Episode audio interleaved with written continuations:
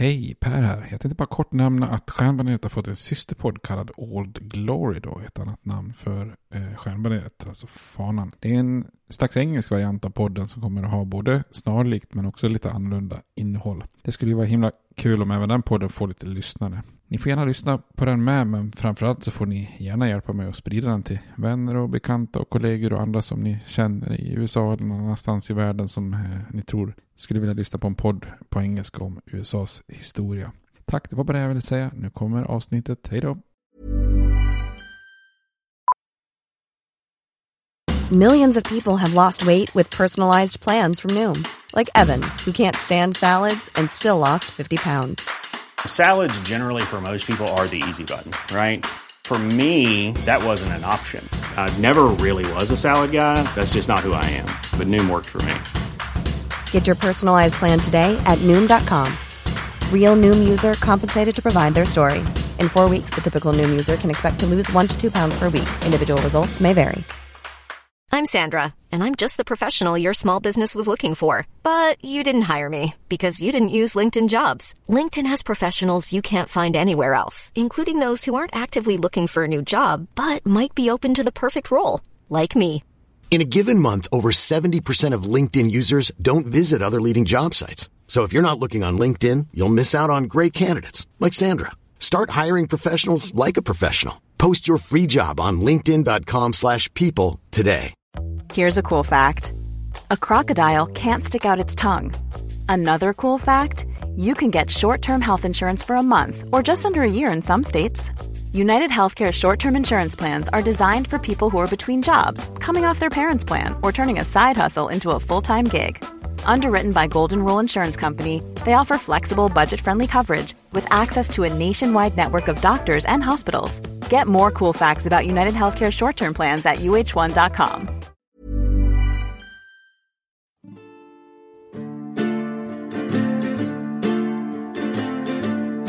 We hold these truths to be self evident that all men are created equal, that they are endowed by their Creator with certain unalienable rights, that among these are life, liberty, and the pursuit of happiness.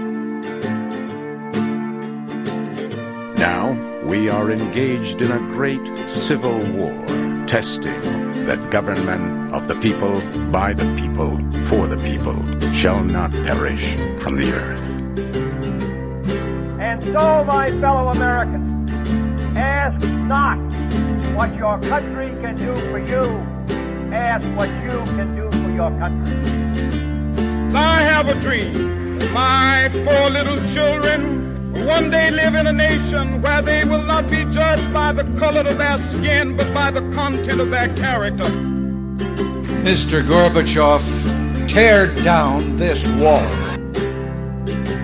I did not have sexual relations with that woman, Miss Lewinsky. Hej och välkomna till Stjärnbaneret, en podcast om USAs historia med mig Per Fjärdingby. Eh, vi fortsätter översiktsserien eh, rätt in på, på historien. Eh, vi har ju gått igenom 20-talet här nu i två avsnitt. Där vi först tittade på den lite ljusa sidan av 20-talet, eller den lite glada sidan av 20-talet. Eh, sen så i förra avsnittet kollade vi på den lite mörkare eh, reaktionära mottrends 20-talet där. Eh, och då har man ju sett här att det är ju eh, mycket spänningar liksom eh, mellan om man säger, stad och landsbygd, mellan det moderna och det traditionella, mellan progress och olika typer av motreaktioner och allt det här präglar ju 20-talet och det formar ju naturligtvis också politiken under de här åren och det tänkte jag att vi skulle titta på eh, i det här avsnittet. Eh, och 20-talet är ju väldigt känt för att vara, skulle man kunna säga då, ett republikanskt decennium. Det är helt dominerat utav det republikanska partiet. Så där, där går vi in och kikar lite grann vad de har för sig och eh, varför demokraterna är så svaga under det här 20-talet. Då. Innan vi gör det så eh, sa jag åt er att försöka få tag på en eh, Black IPA till det här avsnittet ifall ni hänger med i de här öltipsen som vi startade en gång i tiden. Eh, och nu har vi gått igenom väldigt många ölstilar och vi har ju gått igenom IPA tidigare men för några år sedan så uppstod ju en ny variant utav IPA då, som kallas för Black IPA. Och precis som det låter så är det ju någon en mörkbrun till kanske svartfärgad öl som ändå smakar fruktigt som en IPA då. Och det är ju egentligen en, en paradox i sig. För som ni minns, in, IPA betyder ju India Pale Ale. Och en öl som är svart kan ju knappast vara pale eller ljus då. Så att det här är ju lite grann en paradox i begreppen. Eh, men det är ju precis som en vanlig IPA en något starkare öl. Kanske så 6-8 procent. Men så är den ju då bäsk och välhumlad precis som vilken amerikansk eh, västkust-IPA som helst då egentligen med typiska amerikanska humlesorter. Men eh, sen har man då vissa försiktiga rostade toner, toner i maltsammansättningen och det är det som gör att den blir då svart, den här rostade malten som står för färgen då. Eh, och många gånger använder man en typ av mörk malt där man tar bort skalet så att man helt skippar de här bittra rostade smakerna utan nästan bara får färg, eh, eh en, en addering av färg då i ölen. Eh, så det är nästan lite paradoxalt när man dricker. Det ser nästan ut som man har hällt upp en porter eller stout. Men istället för en massa sådana här choklad och kaffe och rostade smaker så smakar det och doftar det i princip nästan identiskt med en ljust, ljus västkust-IPA då. Och eftersom de här första versionerna uppstod bland mikrobryggerier i, i eh, USA, då, nordvästra USA, nära de här Cascade-bergen, eh, så kallas ibland den här stilen för Cascadian Dark Ale då. Eh, andra så här, namn är Dark IPA eller India Black Ale och så vidare. Eh, och när den här ölstilen kom så fanns det ju en del mer traditionella eh, som tyckte den var lite, vad ska man säga, inte saknade lite funktion eller var lite meningslös. Jag får väl inkludera mig själv i den kategorin då. Alltså det finns ju redan stout och det finns IPA. Så varför ska vi då ha en öl som ser ut som det ena men smakar som det andra? Kändes inte riktigt eh, kanske så motiverat. Men eh, när man tänker efter och har smakat några bra exempel så är det faktiskt en riktigt trevlig ölstil, ölstil då. Eh, min trovärdighet är låg där, det vet ni. Jag tycker om de flesta hörstilar.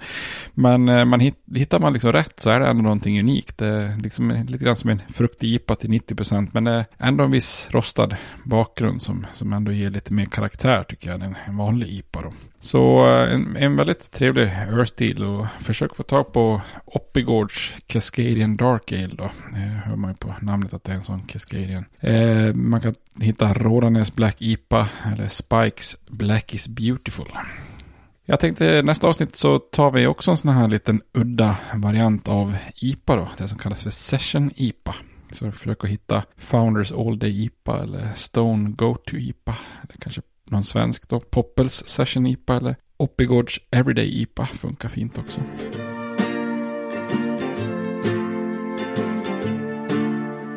Men från öl till historia då. Eh, 20-talet brukar ju kallas, som, kallas för ett republikanskt decennium och det är inte så konstigt eh, på något sätt för det, det, är verkligen vad det är. Eh, Republikanerna som parti, då eh, så kallade GOP, Grand All Party som det kallas ibland, eh, kontrollerar ju presidentposten i Vita huset mellan 1919 och 1933 med, med, med tre presidenter, då Harding, Coolidge och Hoover. Eh, det är ju lite av en, kan man säga, andra sån här okänd presidenternas era på många sätt. Det är presidenter som kanske inte är de mest eh, kända och de man kanske främst tänker på när man tänker på amerikanska presidenter i historien då. Och dessutom så kontrollerar ju det republikanerna båda kongressens kammare då på Kapitolium. Eh, alltså, eh, ibland säger man på Kapitolium, alltså kullen som kongressen finns då, eller kongressbyggnaden. De kontrollerar båda kongressens kammare 1919 till 1931. Så det är ju i princip då hela 20-talet och lite till som eh, politiken helt domineras av en republikansk majoritet. Och både i Vita huset och i då de två kamrarna i kongressen, senaten och representanthuset. Då.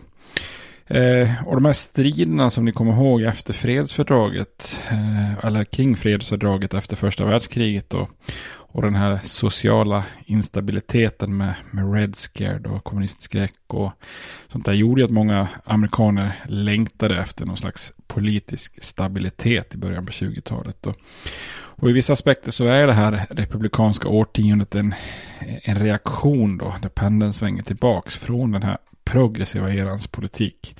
Och en återgång till politiken som många republikanska presidenter Eh, fört under den här förgyllda eran i slutet på 1800-talet. Eh, de, slutar liksom omedelbart upp med de här centrala reformerna och sånt som kommit under Roosevelt och Taft och Wilson och de här banden mellan staten och näringslivet och goda relationer mellan politiker och företag gör lite grann comeback då kan man säga under republikanernas årtionde här.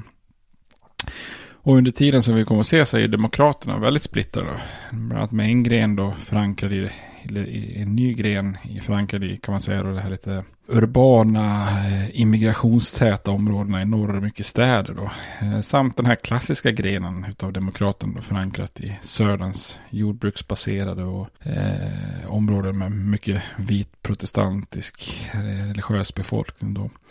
Och Demokraterna lyckas inte under någon gång på 20-talet att liksom erbjuda ett rimligt alternativ till Republikanerna och, och, och konkurrera med dem. Då.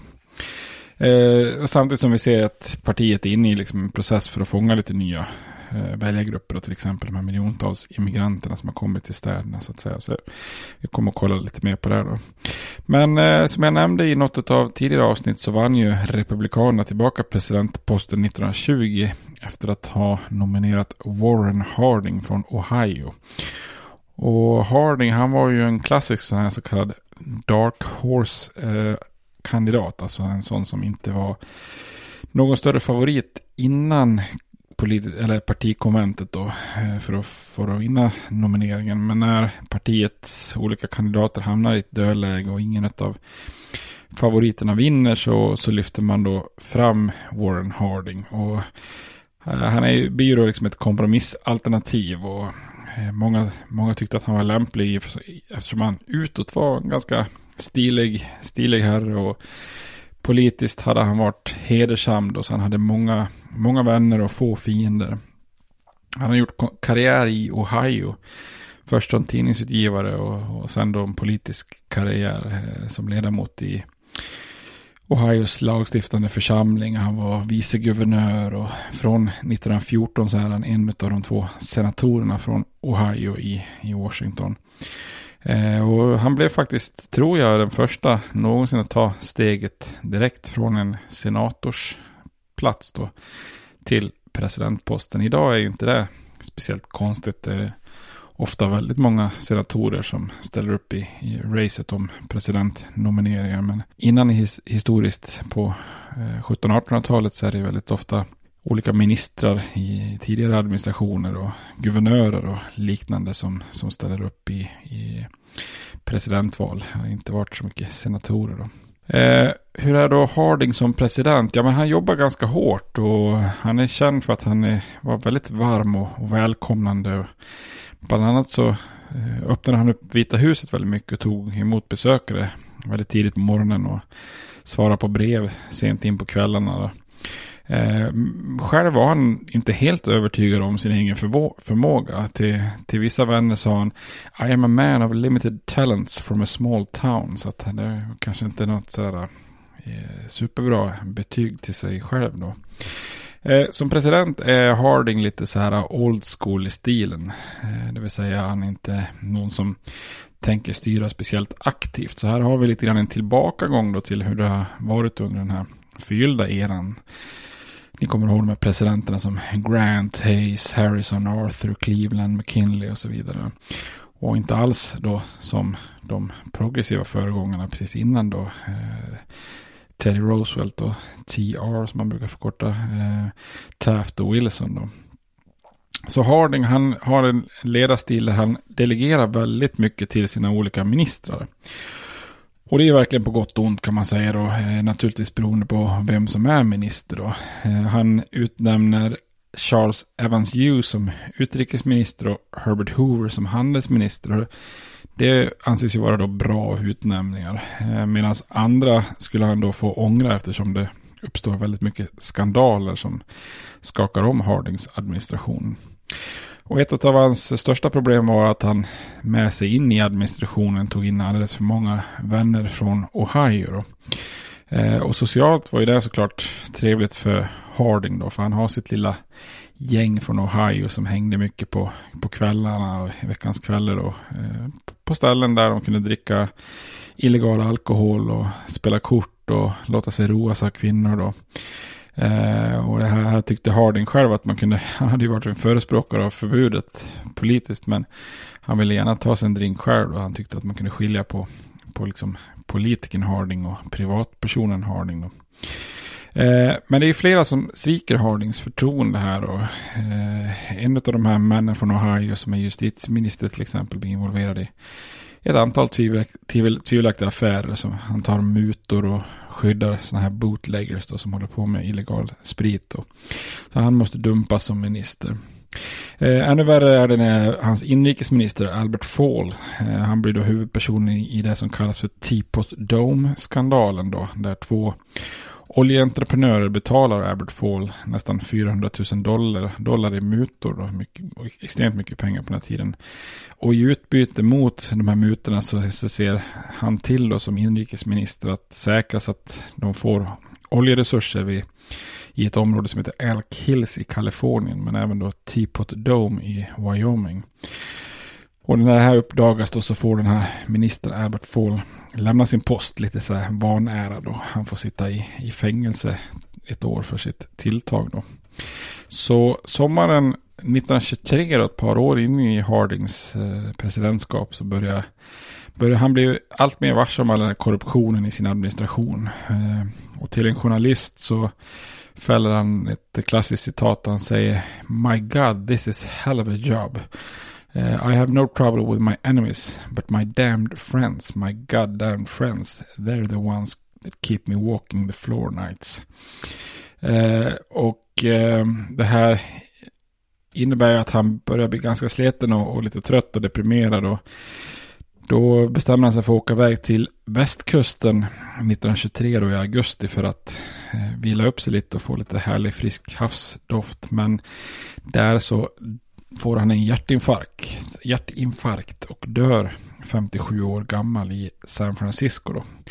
Ungefär två år in i sitt presidentskap.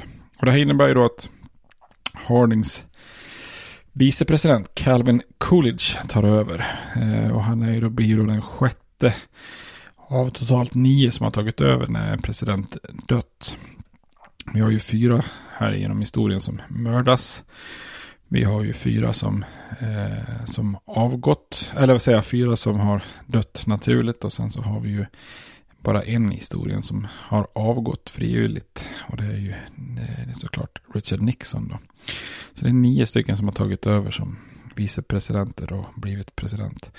Eh, Calvin Coolidge, han är ju en riktig sån här yankee från New England. Han är född i Vermont. Eh, men hade också varit guvernör i Massachusetts. Så där är han blev han känd bland annat för att ha agerat ganska resolut och stoppat den här kända polisstrejken 1919 i Boston som jag tror vi nämnde i ett tidigare avsnitt. Då. Och Coolidge, han är, han är lite som namnet antyder med cool här. Han är en lugn, reserverad man med väldigt hög integritet. Då. Eh, vid något tillfälle lär han ha sagt att om bara folk kunde sätta sig ner och ta det lugnt ibland så skulle fyra femtedelar av alla landets problem försvinna. En lite udda analys eh, kan jag ju tycka. Då. Man kanske borde uppmuntra mer jobb och annat liksom så att säga. Men, eh, och engagemang. Men mm, han tycker folk skulle kunna ta det lite lugnt mer då.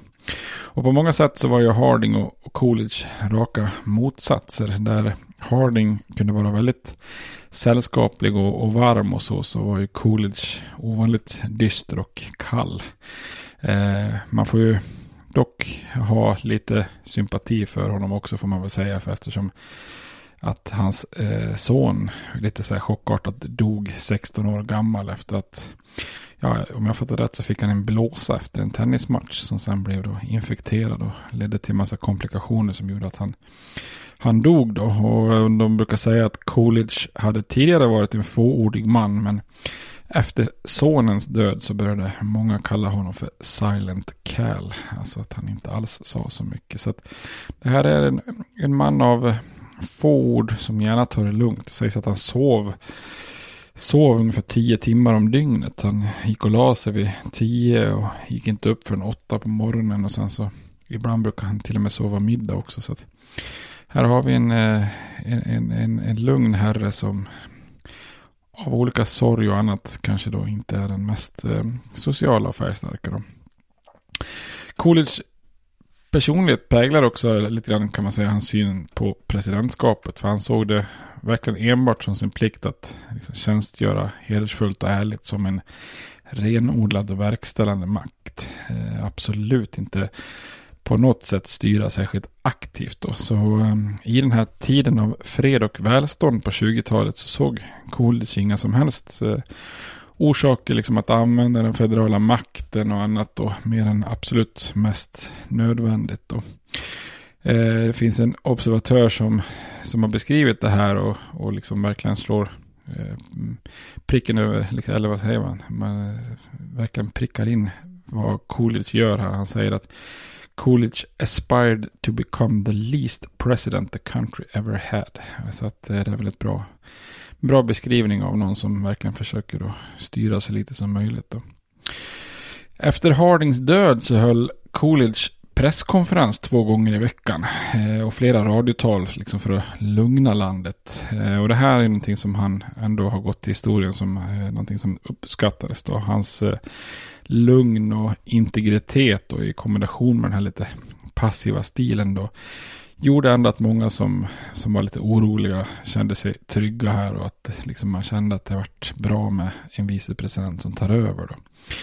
Eh, och det är lite så som att eh, den här snabba utvecklingen den ekonomiska högkonjunkturen när allting går på högvarv på 20-talet Eh, någonstans brukar man säga så det kanske var så att de behövde då en, eh, precis detta, en lugn och passiv president då. Eh, som vi ser kommer det komma vissa baksidor av den här passiviteten då, men det kom, återkommer vi till då. Eh, 1924, efter att han tar över då, eh, efter Harding och 1924 är det nytt presidentval och då vinner han med ganska stor vinstmarginal och, och blir president med, eh, för egen maskin då så att säga. Och då hade man ett kort och koncist budskap då som helt enkelt var Keep cool with Coolidge. Bra, bra liten catchfras då.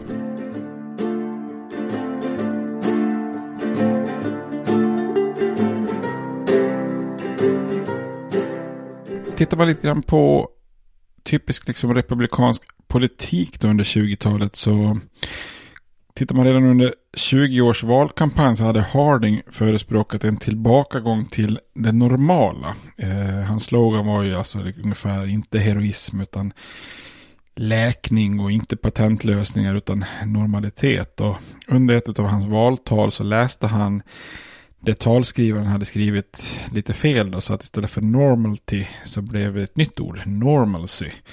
Eh, och det här, just det här ordet slog an och började användas då. Eh, normalitet blev liksom republikanernas slagord under 20-talet. Eh, och det var som att det funkade då hos det amerikanska folket som verkar lite trött på de här ambitiösa och reformorienterade presidenterna som Roosevelt och Wilson och så. Och republikan, Republikanerna försöker då föra tillbaka till den här klassiska politiken som, som partiet har fört under slutet av 1800-talet. Eh, man får ju säga då att de är kanske är mer framgångsrika på vissa områden än andra då. En, en, total tillbakagång var ju liksom inte möjlig på något vis. Tiderna var helt enkelt annorlunda. Det är USA som den progressiva eran skapat och som den här nya masskonsumtionen i USA med en industri som gick på högvarv ledd av bilindustrin innebär ju på något sätt att landet inte kan längre styras på samma sätt som, som man gjort i slutet på 1800-talet. Så både Harding och Coolidge anser ju att den federala makten i Washingtons, alltså den federala maktens främsta roll är ju att stödja näringslivet. Och i praktiken så innebar det att man inte då agerade på områden där näringslivet ville sköta sig själva Samtidigt som man då som stat agerar inom de områden där näringslivet helt enkelt önskade stöd. Så det är väldigt näringslivsvänligt. Eh, Harding sammanfattar ju detta när han under sin valkampanj helt enkelt lovade less government in business and more business in government. Eh, alla myndigheter som var på något sätt satta för att granska och reglera näringslivet fylldes då av Harding och Coolidge med, med just män från näringslivet som var positiva till näringslivet. Eh, tidningen Wall Street Journal skrev till exempel bland annat att never before has government been, been so completely fused with business. Eh, och en av de här anmärkningsvärda utvecklingarna eh, under det här republikanska 20-talet är att den federala statens roll i det ekonomiska systemet snarare ökar än, än minskar då. För de här republikanska administrationerna eh, till exempel nästan dubblade antalet federala anställda. Och en av de allra starkaste drivkrafterna för det här med statligt stöd för näringslivet och åtgärder på olika sätt. Eh, den som ligger bakom mycket av det är ju Herbert Hoover då. Eh, som då eh, på många sätt var ganska dominant både i Hardings och Coolidge administration, administrationer. Och ju också som vi kommer se sen då blir den som efterträder dem då. Och Hoover, precis, han var ju handelsminister och precis som Harding och Coolidge hade han en väldigt stark tro på individer och ett fritt näringsliv. Men samtidigt så förespråkar han inte den här liksom gamla klassiska mördande fri konkurrensen utan snarare att olika aktörer på marknaden samarbetar ihop. Då. Så hans vision är ju därför ett, också ett samarbete mellan stat och näringsliv.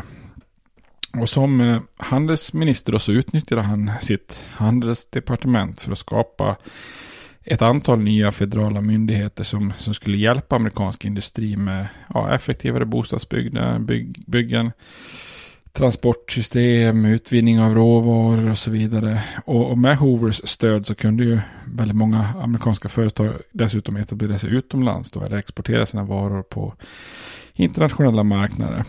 Eh, Hoover drev också på att näringslivet skulle utveckla olika typer av välfärdsprogram som liksom underminerade då fackförbunden. Och han försökte också minimera antalet arbetsmarknadskonflikter då genom att se till att det fanns statlig medling. Eh, så här är han ju liksom, nästan lite grann in på samma stil som Teddy Roosevelt en gång i tiden. Då. Så istället för att gå tillbaka till den här 1800-talstraditionen då av att låta marknaden helt reglera sig själv då den här laissez-faire-traditionen som vi såg var så otroligt stark under den här förgyllda eran under 1870, 80 och 90-talet. Så började då Republikanerna på 20-talet på allvar etablera ett väldigt aktivt samarbete mellan staten och näringslivet. Eh, och både Harding och Coolidge litar ju på, på Herbert Hoover men också på finansministern som heter Andrew Mellon. Att på något vis bereda vägen för näringslivet och expandera ekonomin. Eh, Mellon, till exempel då, eh, finansministern såg till att försöka styra landet tillbaka till lite mer eh, forna tider vad gäller tullar och skatter och så vidare. Då. Och redan 1921 så höjer man tullavgifterna rejält eftersom man fruktar att det ska komma en flod av varor från Europa igen då när första världskriget var över och de europeiska ekonomierna började hämta sig. Eh, den här finansministern Mellon han jobbar också hårt för att försöka till inte göra de liksom, företagsskatter och inkomstskatter som Woodrow Wilson hade infört under första världskriget. Eh, så den federala budgeten skulle minskas och balanseras. Och från att budgeten för USA, då, federala staten, hade nått eh, rekordet 18 miljarder under kriget, alltså första världskriget, så sänks den till enbart 3 miljarder 1921. Så att här är det ju väldigt eh, stor sänkning då. Och överskottet från den här balanserade budgeten används ju då till klassisk republikansk politik, att sänka skatter, speciellt för de rikaste i landet, vilket också då naturligtvis inkluderade den väldigt välbärgade för, för detta bankiren mellan själv då. Eh, den här politiken bidrar också till att öka klyftorna rätt så rejält mellan rika och fattiga i USA och att också att koncentrera landets kapital till en relativt liten elit. Eh, så sen när man kommer in i depressionens 30-tal så ser man att det här var ju en väldigt förödande politik och då blir ju folk rent av chockerade att eliten som JP Morgan Jr och lite andra, de betalar liksom inte någon skatt alls här mitt under, under depressionen här. Och det är ju mycket en följd av den här politiken som, som gör att klyftorna ökar något enormt. Eh, att ge näringslivet då, eller big business som man sa, bra förhållanden och pumpa ut en massa konsumentprodukter på den här nationella marknaden som vi pratade om för två avsnitt sedan. Så det är ju det som präglar det här republikanska decenniet. Och eh, president Coolidge, han är ju också känd för flera citat kopplat till det här, som den här biten av 20-talet. Eh, det är lite lustiga citat på många sätt, men eh, ett som han är väldigt känd för är ju The business of America is business. Och ett annat citat som är minst sagt anmärkningsvärt, men som brukar förknippas med honom och tas upp med honom. Det är ju helt enkelt att han säger så här. The man who builds a factory builds a temple. The man who works there worships there. Eh, så man kan säga att business är lika mycket amerikansk religion som olika religioner egentligen är. Så som vissa beskriver det. Det är nästan så att affärs, affärsidkande är en slags religion i sig då, eller en ideologi i sig. Eh, en grupp som inte Eh, blir inkluderad speciellt mycket det är ju då jordbrukare. Eh, och när de delstaterna som är väldigt eh, präglade av jordbruket försöker föreslå olika saker som ska förbättra livet för, för fattiga och hårt kämpande jordbrukare, i, i, särskilt i västern. Då. Vi har ju pratat i den här serien om västern här, över hur svårt det var att odla längre västerut i de här torra delstaterna. Och många kämpar ju fortfarande kvar, kvar där ute på, på, i de eh, nästan ökenområdena här på 20-talet. Och då försöker man då, vill man att liksom det ska etableras lagar som gör att man, ja, staten till exempel kan köpa upp spannmålsöverskott för att hålla priser uppe och, och så vidare. Men när de vänder sig till president Coolidge så ger han dem ryggen och, använder sitt veto direkt. Att stödja industrier var en sak enligt honom, men att stödja jordbrukare, det tyckte inte Coolidge var en önskvärd statlig inblandning. Utan det var helt enkelt saker där staten skulle hålla sin, sina händer borta. Så att eh, beroende på om vi pratar industri och näringsliv eller jordbruk så, så är det skillnad på folk och folk i den republikanska politiken då. Och som vi kommer att se så håller inte den här politiken i längden utan det kommer att komma ett rejält bakslag 1929 med den här stora depressionen. Då.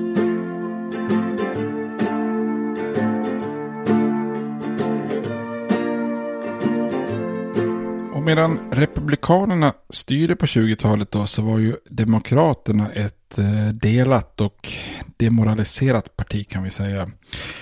Eh, och de har ju väldigt svårt att erbjuda Republikanerna någon slags allvarligt motstånd här. Eh, Woodrow Wilsons gamla koalition då föll samman i valet 1920 och Harding vann ju presidentposten det året med en väldigt bekväm segermarginal. Och det här 20-talets industriella revolution med den här stora urbaniseringen splittrar ju demokraterna i två kan man säga. Där, där man har då två fraktioner som slåss för att kunna kontrollera partiet då. Eh, under både den här förgyllda eran och den progressiva eran under nästan ett halvt sekel så hade ju demokraternas absolut främsta bas varit i södern. Och även då i västern. Eh, och på den ena sidan i, i partiet nu på 20-talet så har vi den här fraktionen av demokrater då, som hade sin, sin bas i de mer jordbruksdominerade delstaterna i södern och västern. Och här finns ju många av de här traditionella demokraterna som tidigare har stöttat eh, Woodrow Wilson då. Och det är ju de som förespråkar förbudet alltså av alkohol, religiös fundamentalism, eh, klanen, alltså KKK, Ku Klux Klan.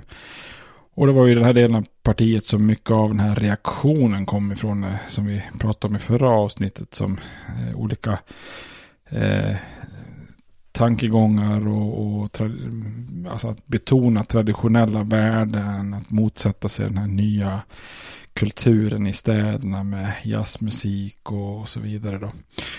Men så uppstår ju också då en, en, annan sida i partiet då som är lite grann av en ny fraktion för Demokraterna som, som växer sig allt starkare och börjar liksom konkurrera inom det demokratiska partiet med de här traditionalisterna från södern och, och västern då. Och det här är ju då demokrater som är bosatta i de här storstadsområdena i norr och mellanvästern och i den här gruppen finns det ju väldigt många immigranter och, och ättlingar då till immigranter som börjar bli väldigt politiskt aktiva. Då. Så det här är inte sällan, eh, ja, det är ganska ofta katoliker, judar och, och som är väldigt starka motståndare till förbudet till exempel. Och Det här gör ju att de har få saker gemensamma med den här andra traditionella fraktionen av partiet. Och, och 1924 när Coolidge väljs om så, så blir den här splittringen i det demokratiska partiet nästan pinsamt tydligt. Då. Det här året så samlas Demokraterna för sitt partikonvent i New York City då.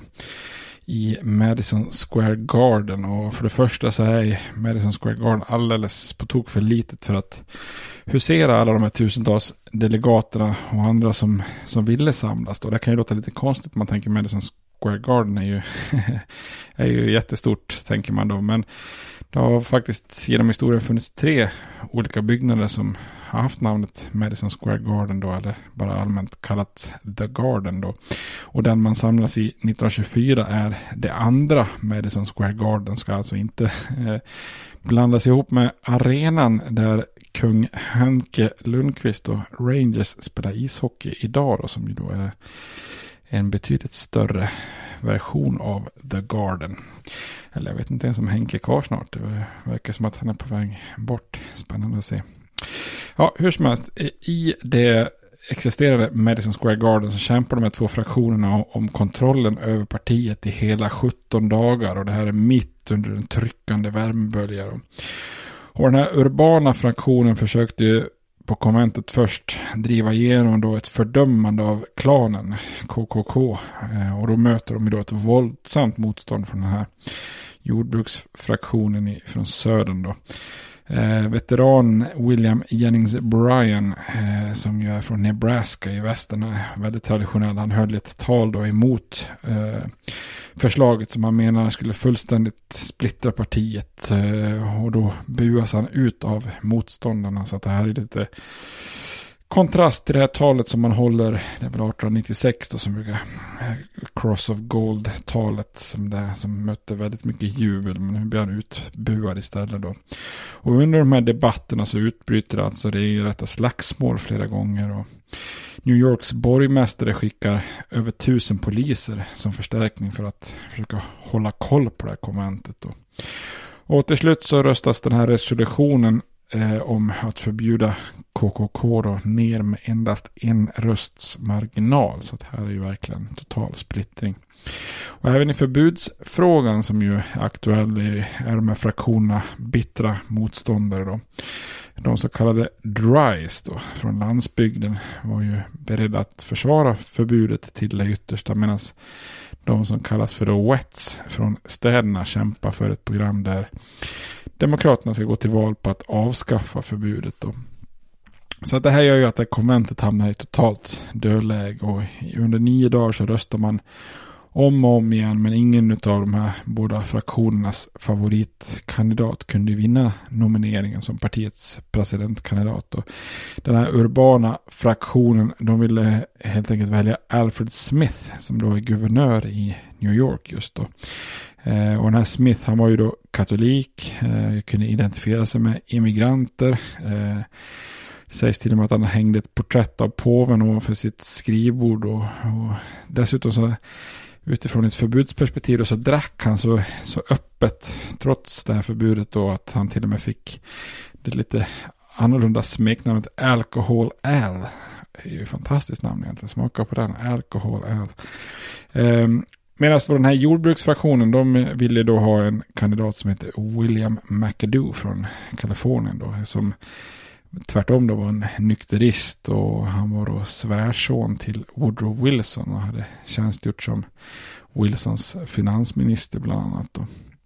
Så man röstar om och om igen då och efter 102 omröstningar utan att någon eh, av kandidaterna kunde vinna då så fick de här två männen till slut dra sig tillbaka då. Och i den 103 röstningsomgången, alltså smaka på den, 103, det är ju ett slags negativt eh, partikonventsrekord kan man säga.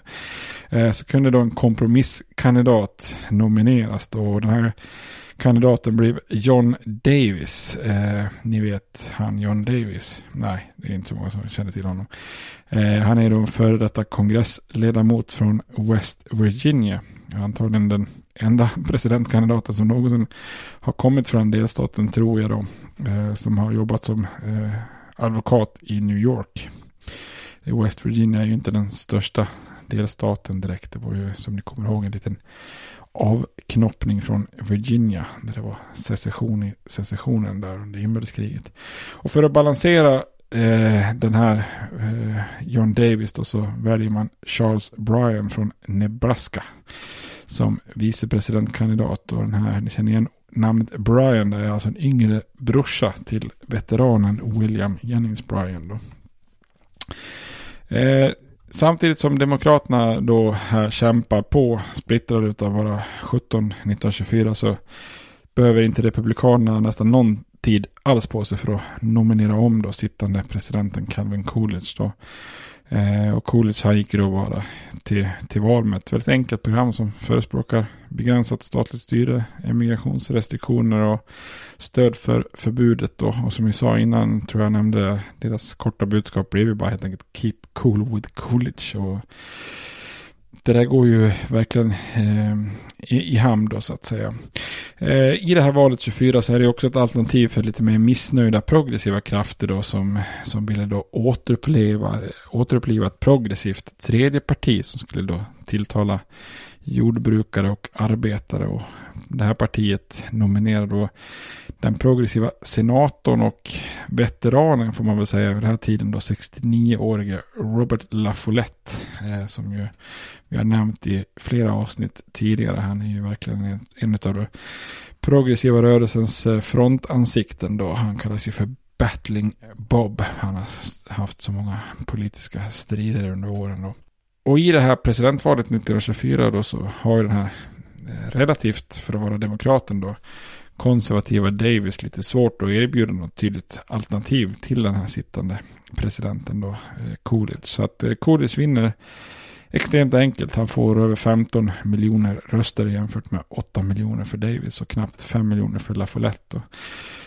Så den här stackars Davis då som inte är jättekänd, han kanske borde vara känd på ett sätt då för han gör det sämsta valet för en demokrat dittills under, under 1900-talet då. Eh, så man kan väl sammanfatta det med att folk ville ta det coolt med Coolidge helt enkelt då. Eller som en eh, person observerade då i det här 20-talet där industriella hjul och konsumtionsmarknaden och eh, det glada 20-talet rullar på så, så är det väl så att eh, som en, observer, en person observerade då, in a fat and happy world Coolidge is the man of the hour. Eh, så att eh, han är rätt person på rätt man, eller rätt person på rätt plats, Coolidge då.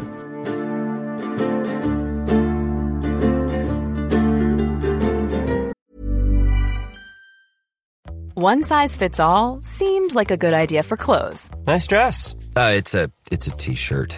Until you tried it on. Same goes for your healthcare. That's why United Healthcare offers a variety of flexible, budget-friendly coverage for medical, vision, dental, and more. So whether you're between jobs, coming off a parent's plan, or even missed open enrollment, you can find the plan that fits you best. Find out more about United Healthcare coverage at uh1.com. That's uh1.com. Hiring for your small business? If you're not looking for professionals on LinkedIn, you're looking in the wrong place. That's like looking for your car keys in a fish tank.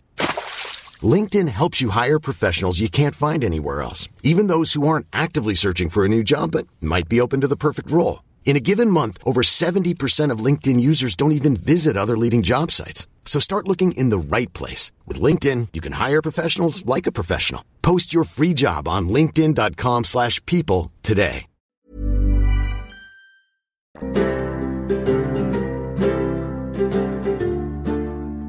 Valet efter då, om vi går in och tittar lite grann på eh, 1928, så även om det har varit väldigt mörkt för Demokraterna i både 20 och 24 så börjar man kunna skymta en lite, lite ljusare framtid i slutet på 20-talet. Och eh, från 22 och framåt så börjar man liksom sakta men säkert äta upp republikanska majoriteten i kongressen då. Eh, man får flera, flera platser. Och där Demokraterna främst vinner mark under 20-talet det är ju just i storstäderna, i, särskilt i nordstaterna och i mellanvästern där man börjar helt enkelt växa sig starkare och starkare bland immigranter och, och eh, eh immigranters ättlingar då så att säga. Eh, 1924 så vann Demokraterna exempelvis tillbaka 13 platser i representanthuset enbart i New York. Eh, och i mellanårsvalet 1926 så kom Demokraterna bara en ynka röst ifrån att få majoritet i senaten. Då. Eh, så de stora städerna börjar sakta bli dominerade av Demokraterna. Och eh, man kan sammanfatta det här liksom. 1920 så hade demokraten James Cox inte vunnit en enda delstat utanför södern. Medan 1924 så hade John Davis vunnit, eh, förutom södern då, vunnit enbart Oklahoma. Eh, men om stödet blev större i städerna i nordstaterna och mellanvästern så skulle just Demokraterna snart börja kunna bryta då den här republikanska dominansen utanför södern. Det Demokraterna behöver är ju då en karismatisk kandidat som kunde ena partiets båda fraktioner.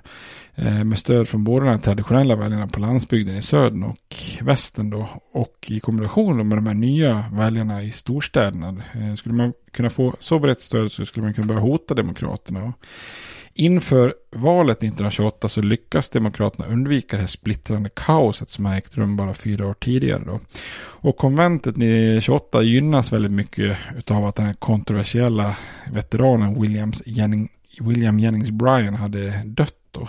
Eh, ni kanske minns, han var ju med eh, på den här försvarande sidan eh, i den här Scopes-rättegången, alltså AP-rättegången, eh, där man twist, twistade lite grann om huruvida man skulle lära ut eh, Darwins lära eller Bibelns skapelseberättelse i skolor i Tennessee. Då. Och han var ju en eh, religiös fundamentalist, Brian. Och han dog inte så långt efter den här rättegången. Eh, och även då den här traditionella Söderns demokrat William McAdoo proklamerar att han tänker inte ställa upp i, i valet då. Eh, så den traditionella delen av Demokraterna med bas i jordbruksområdena i södern och västern, de står liksom lite grann helt utan ledare helt plötsligt. Och då kan den här nya delen av Demokraterna i de mer urbana storstäderna kunna driva igenom då eh, så att eh, den här Al Smith då, han katoliken och förbudsmotståndaren som är från New York, att han då blir faktiskt nominerad den här gången. Men för att skapa enighet så balanserar man upp kandidaturen med senatorn Joseph Robinson som vicepresident och som är en protestantisk eh, förbudsförespråkare från Arkansas i, i södern då. Och i sitt valmanifest så undvek man de här sociala frågorna som splittrade partiet så, så illa då. Alltså både det här med förbudet och eh, Ku Klux Klan då. Och istället så siktar man in sig på att egentligen utgå från att kritisera republikanernas ekonomiska politik istället då. Bland republikanerna så trodde ju många 1928 då att den sittande presidenten Calvin Coolidge återigen skulle bli partiets fanbärare. Han hade ju suttit sex år då. Han tog över två år in efter Harding då. När han dog och sen fyra år eh, eget mandat. Och vid den här tiden så fanns det ingen begränsning för hur många gånger man skulle välja om då. Det kom ju senare med tillägg i konstitutionen. Så att Coolidge hade ju gott och väl kunnat blivit omvald igen då. Eh, men han chockar en hel nation med att inte vilja ställa upp igen då. Eh, och det gör han, det meddelar han lite snyggt. Han vid en presskonferens så ger han bara helt enkelt en lapp till några reportrar som det står helt enkelt. Jag tänker inte ställa upp igen. Så är nyheten ute då. Eh, men även om Republikanerna chockas lite grann över att Coolidge inte tänker eh, ställa upp då så var valet eh, därefter tämligen given då för nästan hela partiet var ju eniga om att näst i tur det här i successionsordningen är ju helt enkelt då handelsministern Herbert Hoover. Eh, så att eh, de flesta är ju eh, inne på att då Hoover måste ta över. Och Herbert Hoover är, anses ju då vara väldigt kvalificerad då. Den absolut mest kvalificerade och den ledande. Han har varit den ledande figuren i både Hardings och Coolidge administrationer då. Eh, och Hoover personligen var ju en riktig amerikansk framgångssaga och self-made man. Eh, han blev ganska tidigt föräldralös som pojke men lyckas på egen väg ta sig till universitetsstudier och han gjorde sig både pengar och berömmelse som gruvingenjör och under första världskriget så visade han ju prov på att vara en väldigt skicklig administratör då när han styr över Woodrow Wilsons sådana här matprogram och stödprogram för Europa. Eh, så Hoover är en sån man som jobbar stenhårt och är ganska pragmatisk och anses vara väldigt intelligent. Och Hoover var ju på många sätt den perfekta republikanska kandidaten 28 här. Han var en skicklig ingenjör, en framgångsrik eh, administratör. Eh, och en slug affärsman och dessutom protestant från mellanvästern och inga större lik i garderoben då. Och den här blomstrande ekonomin som fortfarande går på högvarv 1928 gör ju att då en republikansk seger nästan är ofrånkomlig då. Och i den här kampanjen så dominerar visserligen då sociala frågor. Eh, Hoover och Smith liksom sätt i det här pågående kulturkriget som vi pratade om i förra avsnittet lite grann i fokus då. Eh, man kan säga så här, Smith han motsätter sig förbudet, Hoover försvarar det. Smith han är katolik, Hoover är protestant. Smith representerar storstaden, Hoover kommer från landsbygden och så vidare och så vidare. Eh, finns en protestantisk predikant. Han summerar i princip hela kulturkriget på 20-talet när han eh, i en radiosändning eh, då eh, var kritisk och jämställde Smith kandidatur då med någon form av urbana, ondskefulla och okristna saker. Då. Han säger att med Smith får man då carplaying, cocktail drinking, pool dogs, divorces, novels, stuffy rooms, dancing, evolution, Clarence Darrow, ja alltså det är ju han, eh, advokaten från Scopes-rättegången och som försvarar eh, Darwins eh, evolutionslära. Eh, man får overeating, nude art, prize fighting, actors, greyhound racing and modernism. Så att eh, här räknar han upp allt som han tycker är ondskefullt och okristet med, eh, på 20-talet. Då. Eh, i grund och botten så är det ändå ganska lustigt för att det finns ju också extrema likheter mellan Hoover och Smith. Och båda, båda var ju sådana här self-made man som förkroppsligade den amerikanska drömmen eh, om, om möjligheten att lyckas och klättra uppåt i samhället. Och ingen av dem förespråkar någon större ekonomisk förändring eller omfördelning av resurser och, eh, det, och så. Eh, religion blir ju snarare också en avgörande fråga här. Och Smith han tappar väldigt mycket väljare som katolik. Då. Man ska komma ihåg att han var den första presidentkandidaten som var katolik i eh, USA som ju är ett ganska solitt protestantiskt land. Då. Eh, så att eh, det här låg honom verkligen i fatet då. Eh, och det är till och med alltså fram till, eh, man brukar prata om JFK då. Eh, då var ju många oroliga över att hans katolska lära skulle vara ett hinder. Och då är vi ju liksom då inne på, på 60-talet och detta är ju då eh, nere på 20-talet. Eh, Smith, han är heller ingen sån här lysande kampanjpolitiker ändå. Han hade ju fötts ganska fattigt och börjat jobba på en fiskmarknad i New York som en liten grabb. Och nu när han då söker landets högsta post så led han lite grann av den här bristen på utbildning och lite dålig grammatik och han har en väldigt distinkt New York-dialekt. Han är från då Lower East Side. Eh, och det här ligger honom lite grann i fatet då. Eh, det finns en klassisk sekvens där när en reporter frågar Smith om, eh, om hur han som liksom östkustkille skulle kunna vinna delstaterna väster om Mississippi-floden. Och när han frågar Smith där, eller när han får den frågan så, så ställer Smith en motfråga. What states are west of Mississippi? Så han har liksom inte riktigt ens koll på vilka delstater som ligger väster om Mississippi då. Så det är väl lite grann som när Trump avslöjade sina geografiska kunskaper genom att tycka att Colorado skulle bygga en mur mot Mexiko. Trots att inte Colorado har en gräns mot Mexiko kan man säga.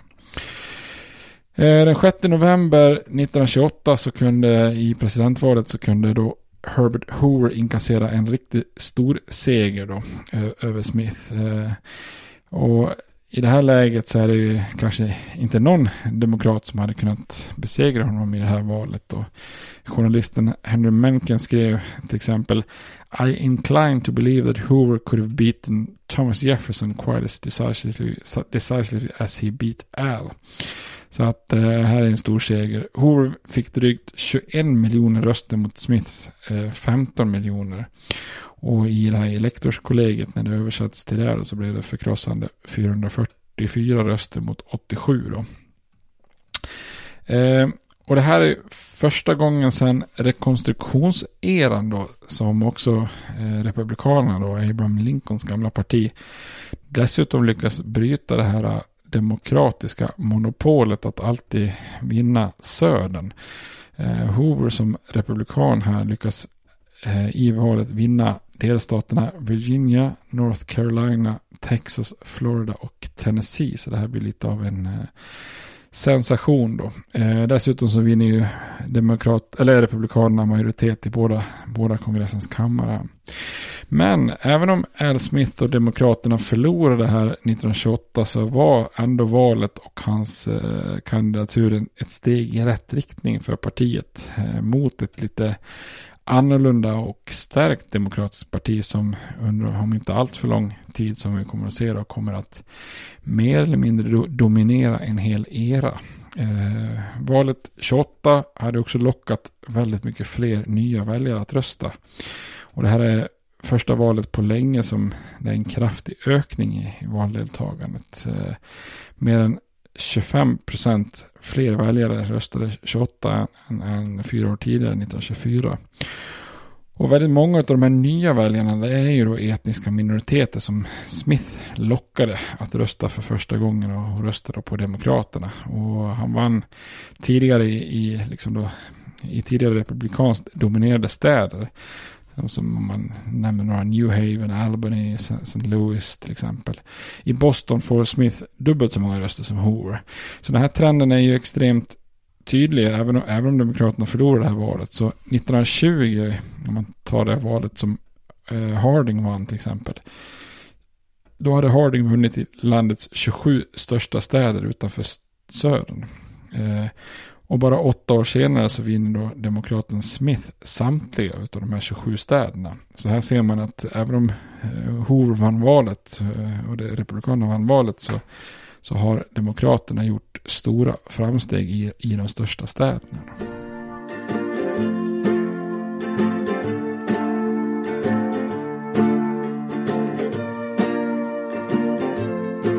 Kollar vi lite grann på utrikespolitiken under 20-talet så befinner sig den verkligen inklämd i, i, emellan två helt olika epoker. Eh, när vi kollar på den här progressiva erans eh, ungefär 30 år under presidenter som började egentligen med, med McKinley men framförallt då Roosevelt, Taft och Wilson. Då hade ju USA gett sig ut på den internationella scenen rejält och tagit för sig allt mer aktivt och speciellt i Latinamerika. Börjar ju med det här spanska-amerikanska kriget och, och fortsätter med annekteringar av Filippinerna och Hawaii och så vidare. Och Kulmen hade ju kommit sen då under den progressiva eran med Wilsons, Woodrow Wilsons den moraliska utrikespolitiken då eh, med massa fina ideal om en helt ny liberal världsordning då. Eh, spolar man fram då, och tittar på efter 20-talet, när vi kommer fram till 30-talet, så är ju det en period när USAs utrikespolitik är helt tvärtom då. Då är det ju en era av fruktansvärd isolationism då, där amerikanare eh, återigen har tappat helt intresset för världen utanför sitt eget land. Med väldigt fokus då på depressionen och, och, och USAs inrikesbitar. Då. Eh, så 20-talet är ju utrikespolitiskt en slags eh, försiktig medelväg mellan den här aktivismen i början av seklet och den isolationism som kommer på 30-talet. Eh, tittar man då, trots senatens förkastande av fredsfördraget från Versailles då, eh, och förkastandet av det här deltagandet i Nationernas förbund 1919 så hade ju USA ändå ett intresse av omvärlden i början av 20-talet. Eh, USA hade ju efter första världskriget tagit över, kan man säga, rollen som världens främsta ekonomiska makt och amerikanska företag ville ju investera utomlands mycket då efter kriget. Amerikanska företag exporterade som aldrig förr eh, till Europa då för att hjälpa till med uppbyggnaden där. Och, ja, hjälpa till och hjälpa till, tjäna pengar. Men eh, man hade ju sin industri på högvarv medan stora delar av USA, eller Europa var lite mer slitet och förstört då. Så amerikanska banker samarbetar ju med Coolidge-administrationen för att minimera effekterna av första världskriget. Och, eh, och de allierade i Europa är ju skyldiga USA runt 10 miljarder dollar. Och, men de håller i sin tur tillbaks sina betalningar till USA Tills dess att Tyskland börjar betala av sin krigsskuld då, och sitt straff då på, på 100 miljarder gentemot eh, de segrande makterna där. Då. Eh, så att här är det ju katten på råttan, råttan på repet där. Och Tyskland i sin tur tycker ju att beloppet var alldeles för omfattande. Eh, och varken kan eller vill betala det här. Eh, istället så kollapsar ju den tyska ekonomin fullständigt med den här skenande inflationen. Ja, ni kan ju historien där. Det är ju där, det är ju där Hitler dyker upp med, med, med nazistiska partiet och, och, kan ta makten i den här situationen som uppstår. Då. Eh, Coolidge han tillsätter en kommission 1923 ledd av Charles Dawes som tar fram den så kallade Dawes-planen för att då hjälpa tyskarna att betala eftersom man förstår att om inte tyskarna kan betala då kommer inte eh, de allierade och betala tillbaka skulden till USA då. Eh, och den här planen innebar då att lån från privata amerikanska banker på 110 miljarder dollar skulle gå till tyskarna då. Eh, och det här gör ju att situationen kunde stabiliseras något då. Och Tyskland kunde börja betala sina skulder lite grann då. Och under ett antal år så var det ju egentligen amerikanska banker som på många sätt skapade stabiliteten i Europa skulle man kunna säga. Eh, det här bryts ju då fullständigt ner sen under den här ekonomiska depressionen under 30-talet då USA inte längre kunde låna ut pengar. Så det är ju inte någonting som håller långsiktigt då. USAs relation med Sovjetunionen var ju kluven under 20-talet. Eh, den amerikanska staten ignorerar ju egentligen Sovjet och vägrar erkänna landet som legitim stat. Samtidigt så är det ju den amerikanska industrin eh, börjar ju exportera mängder av maskiner till Sovjet. Eh, så det amerikanska näringslivet vill ju gärna erkänna Sovjet. Men eh, rent politiskt skulle det dröja ända till 1933 innan det gjordes då. Den amerikanska utrikespolitiken i, utrikespolitiken i Latinamerika förändras också under 20-talet. Eh, målet liksom att politiskt och ekonomiskt dominera då i hela Amerika, den västra hemisfären som man oftast då sa, den, den, ambitionen kvarstår. Eh, men första världskriget och många av de här stormakternas fall hade ju minskat den amerikanska rädslan för att Europa skulle blanda sig i amerikanska angelägenheter i, i Amerika då. Alltså att man skulle bryta mot den här Monroe-doktrinen som USA hade slagit fast redan i, i början på 1800-talet då. Och under de här tidigare presidenterna Roosevelt, Taft och Wilson såg vi då att USA hade agerat och intervenerat i, i väldigt många latinamerikanska länder under Hardings, Coolidge och Hoovers ledning så, så drogs väldigt många amerikanska marinkårssoldater tillbaka från de här, många av de här länderna. Haiti, Dominikanska republiken, Nicaragua och så vidare. Då. Men samtidigt är det inte helt villkorslöst. Och när det uppstår nya oroligheter i Nicaragua till exempel så, så väljer ju Coolidge att skicka tillbaka trupper. Då. Men USAs inblandning i latinamerikanska länder hade i många fall inneburit en del problem och många länder hade börjat vädja till USA om att bryta, byta den här policyn då. Eh, 1930 så utfärdade utrikesdepartementet någonting som kallas för Clark Memoranda. Eh, det är då uppkallat efter en, en sån Undersecretary of State, alltså en slags hög eh, tjänsteman på utrikesdepartementet som i det här fallet då var Ruben Clark. Eh, och det Clark Memoranda det innebar återigen då en policyändring av den här Monroe-doktrinen. Vi hade ju sett hur Theodore Roosevelt hade förändrat den här Monroe-doktrinen 1904 och, och hade ju då liksom eh, handlat, det hade ju handlat om att man hade fullständig rätt att ingripa i latinamerikanska länders interna affärer. Och det var ju precis det som Roosevelt också hade gjort. Det var ju han som så att säga tog kanalen som man sa om Panama-kanalen till exempel. Eh, men nu fastslår, fastslås här i den här Clark Memoranda att varken Monroe-doktrinen eller internationell lag ger USA rätt att intervenera militärt i latinamerikanska länder. Samtidigt så fanns det med i mig när skrivelsen en klassisk liksom amerikansk lydelse om att om det nu skulle vara så att amerikanska liv och egendomar är hotade eh, så kan man ju skydda dem under internationell lag. Eh, och även om den här eh, policyändringen inte helt gjorde att USA slutade med militära insatser i, i Latinamerika så skulle USA framöver vara kanske lite mer noggranna innan de skapar och skapar ett bredare stöd innan man på att säga agerar. Man hoppar liksom inte bara in i, i landet hur som helst. Så man kan säga att USA på 20-talet har man lärt sig lite av en läxa då att eh, kan man etablera samarbete och vänliga relationer så är det en bättre taktik för att få som man vill. Då, den här typen av hot och vapenskrammel som, som eh, Theodore Roosevelt till exempel stått för. Det var ju han som sa det här speak softly and carry a big stick. Eh, men det hade ju han på något vis sagt med kanske betoning på, eh, på, på carry a big stick. Eh, och nu kanske man då betonar lite mer speak softly helt enkelt. Då. I Stilla havet så hade ju USA och Japan fått allt mer ansträngda relationer. Eh, Japan var ju ett land som, som var på, på liksom framfart och, och behöver ju då naturtillgångar. Eh, och där också hade ju då Japan lite så här aggressivt expanderat sina intressen militärt i Asien. Då. 1905 hade man ju till exempel erövrat Korea och så tar man ju också senare kontroll över, över den här kinesiska regionen Manchuriet då. Och för att hantera den här situationen i Asien så arrangerar utrikesminister Charles Evans Hughes eh, 1921 en internationell konferens som handlar om just upprustning och stabilitet i Asien. Och resultatet blir då ett avtal mellan USA, Storbritannien, Frankrike, Italien och Japan som sätter då ett övre tak för varje land hur stor deras flotta fick vara. Då.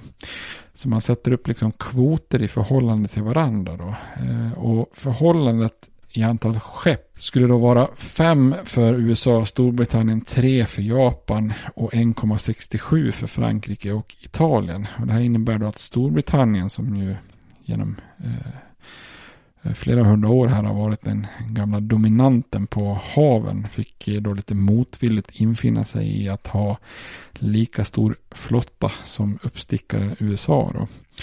Eh, och Japan de accepterar då sin lite lägre kvot av skepp enbart efter att USA då lovat att inte rusta upp sina Stilla havsbaser i Filippinerna och Guam. Eh, den här begränsningen i antalet stora krigsfartyg inom flottan, eh, för det här gäller då stora krigsfartyg, det alltså eh, större slagskepp och eh, så här flygbärare är det som regleras, inte så här mindre skepp som jagare och ubåtar och så vidare. Och den här begränsningen passar ju de här republikanska presidenterna ganska bra, för de är ju upptagna på hemmaplan med att minska och balansera den federala budgeten. Så att det gör ju att de är inte så jäkla intresserade av några så här kostsamma upprustningsdueller med svindyra krigsskepp och så vidare. Då. Parallellt med det här så finns det också i USA då en väldigt framträdande fredsrörelse som, eh, som leds av den progressiva förkämpen Jane Addams. Eh, vi pratade om henne eh, tidigare i något avsnitt, det är jag ganska säker på. Hon var ju en av de som var involverade i flera av de här progressiva experimenten med hus, då, bland annat med Hull Houses. Och hon var ju också en väldigt viktig förespråkare av kvinnlig rösträtt som vi pratade om för inte så länge sedan. Eh, och Adams och hennes eh, fredsrörelse då kräver helt enkelt internationell nedrustning och eh, egentligen vill man säga så här, har visionen om att få ett slut på alla krig för alltid då. Hon kommer ju också faktiskt att få Nobels fredspris 1931. Jag tror att hon delade med någon annan, jag minns inte vem, men hon, hon får i alla fall fredspriset där. Och hon lyckas påverka sin samtid och många universitet startar kurser i internationella relationer och liknande. Då. Eh, och det är en professor vid Columbia University som, som då fick ett pris för en teori som bygger på hennes tankar då, om att göra krig illegalt. Eh, och den här idén gick eh, utrikesministern Frank Kellogg igång på, som var utrikesminister 1925 29 då. Eh, och strax innan han får upp den här tanken så hade den franska utrikesministern eh, Aristide Briand eh, föreslagit att Frankrike och USA skulle ingå ett avtal om att krig mellan länderna var illegalt. Då.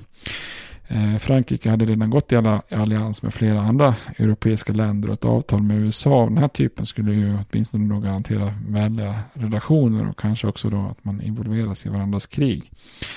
Eh, utrikesministern Frank Keller, han eh, eh är ju emellertid inte så pigg på något, något avtal som skulle kunna dra in USA i, i något nytt europeiskt krig. Då. Så han dröjer ganska länge med att svara sin kollega Brand. Och när han väl gör det så utmanövrerar han honom då och lyfter in den här fina idén om att göra krig illegalt.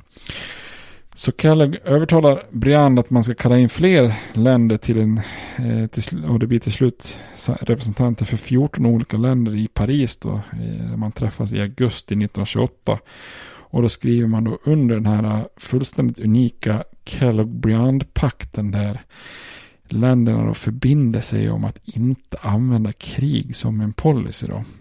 I slutändan så är det ju, skulle ju fler länder också ansluta sig. Äh, men precis som väldigt många skeptiker var övertygade om så blir det här liksom mest en politisk äh, charad då så att säga.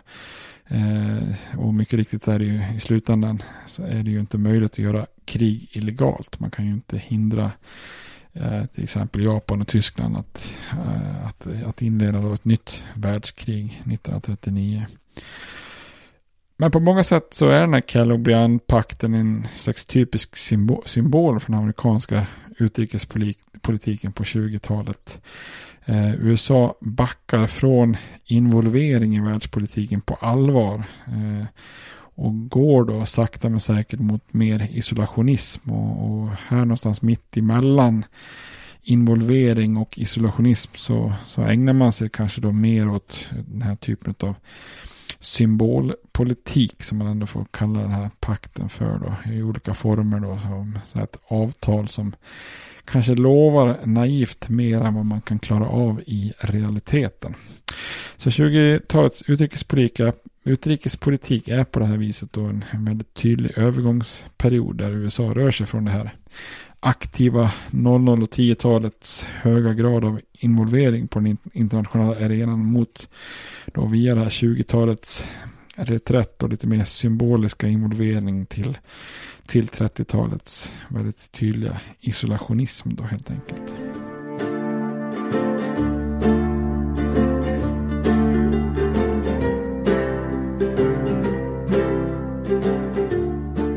Eh, men hemmaplan är ju som vanligt eh, i fokus för väldigt många vanliga amerikaner. Och efter presidentvalet 1928 så var det de flesta ändå nöjda för stunden oavsett nästan vilket parti man, man tillhörde.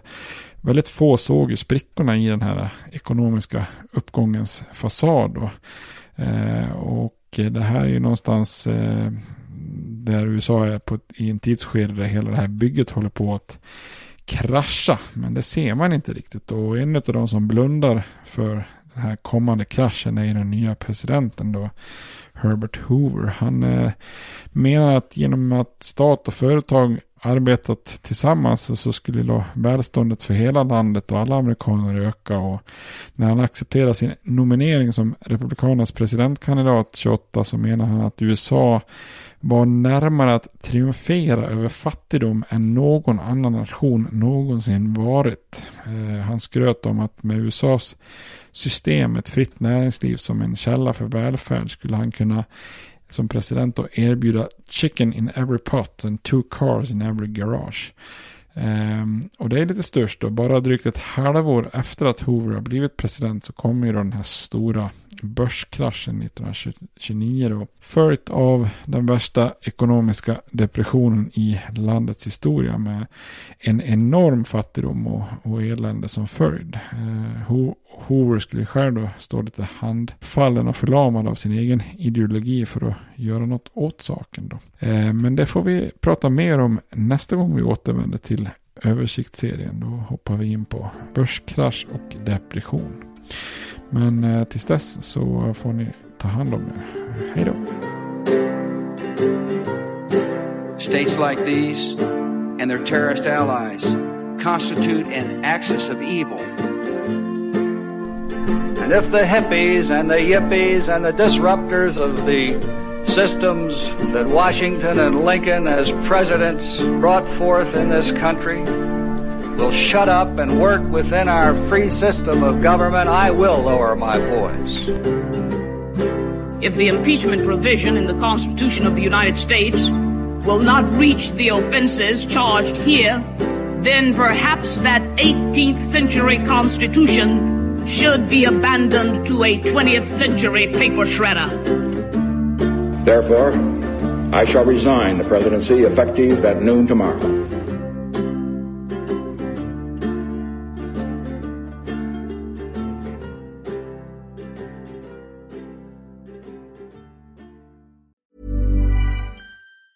Planning for your next trip? Elevate your travel style with Quince. Quince has all the jet setting essentials you'll want for your next getaway, like European linen, premium luggage options, buttery soft Italian leather bags, and so much more. And is all priced at 50 to 80% less than similar brands. Plus, Quince only works with factories that use safe and ethical manufacturing practices. Pack your bags with high-quality essentials you'll be wearing for vacations to come with Quince. Go to quince.com slash pack for free shipping and 365-day returns.